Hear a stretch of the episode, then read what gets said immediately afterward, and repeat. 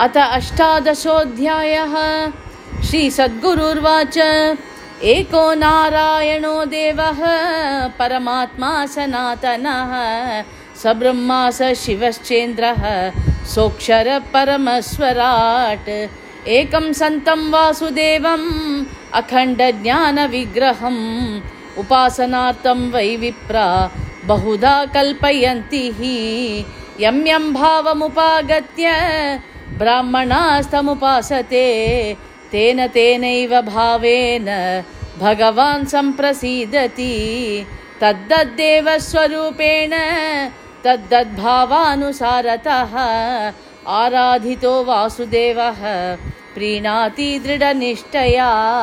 नानादेवार्चकानां तु वृथैव कलहो नृणाम् सर्वशास्त्रमयी गीता सर्वदेवमयो हरिः आसीन्नरहरिर्नाम शिवभक्तो दृढव्रतः नाडिन्धमीयवंशे तु जातो भूषणकर्मकृत् न ददर्श जगन्नाथम् पण्डर्यां निवसन्नपि विष्णुद्वेषकरो नित्यम् घण्टाकर्णैवाप्ययम् एकदा धनिकः कश्चित् कर्तुकामस्तु भूषणम् शिवभक्ताग्रगण्यं तम् उपेत्यैवमुवाच च। धनिक उवाच अहं श्रीपाण्डुरङ्गस्य काञ्चीं कर्तुं हिरण्मयीम् इच्छामि रत्नखचितामनर्घ्यामतिसुन्दरीम् तत्कर्म कुशलोऽसि त्वम् इति श्रुत्वा गतोऽस्म्यहम् अद्यैव काञ्चीं निर्मातुम् आरम्भं कुरु सत्वरम्। काञ्चीभूषणनिर्माणे विलोक्य तव कौशलम्। बहुमानं करिष्यामि तवाहं नात्र संशयः। नरहरिर्वाच अहं तु शिवभक्तोऽस्मि शिवध्यानपरायणः। विष्णोस्तु भूषणं कर्तुम् न शक्नोमि कदापि च। धनिक उवाच वेतनार्थं करोषि त्वम् भूषणानि च योषिताम्। तथा कुरु महाबुद्धे न दोषस्तव सम्भवेत्। नरहरिरुवाच एवञ्चेत्तस्य देवस्य पण्ढरीक्षेत्रवासिनः नितम्बपरिमाणं त्वम् आहराध्ययता तथा श्रीसद्गुरुर्वाच। इत्युक्तो धनिकः सोऽपि सद्य सम्प्राप्य मन्दिरम् नितम्बपरिमाणं तद् आजहार रमापतेः तथा च शिवभक्तो हिरण्मयीम् अर्पयामास धनिकः।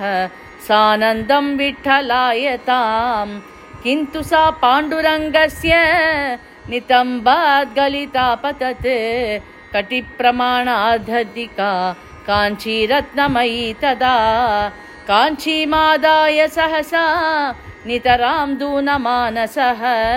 निवेदयन् हरये शिवैकमनसे पुनः।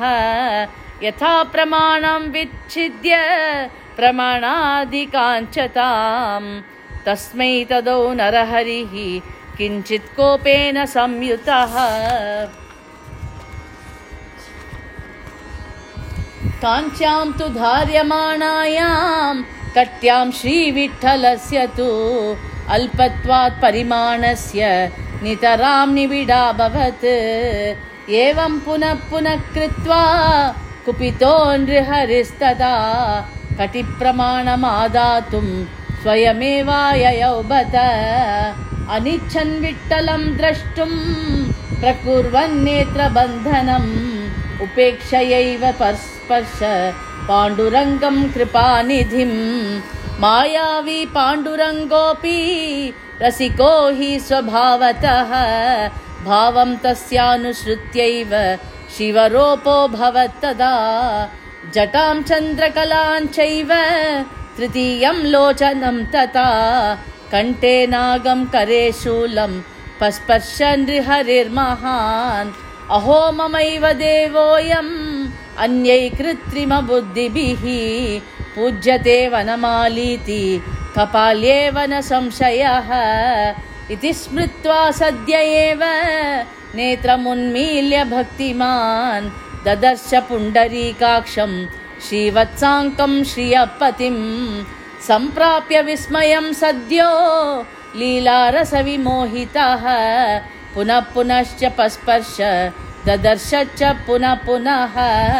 स्पर्शने शिवरूपेण विष्णुरूपेण दर्शने संस्थितं विठ्ठलं ज्ञात्वा परां भक्तिमवापसः। शिव एव हरिः साक्षात् हरिरेव तथा शिवः एवं ज्ञाता नरहरिः भेदभावं तथा जहौ।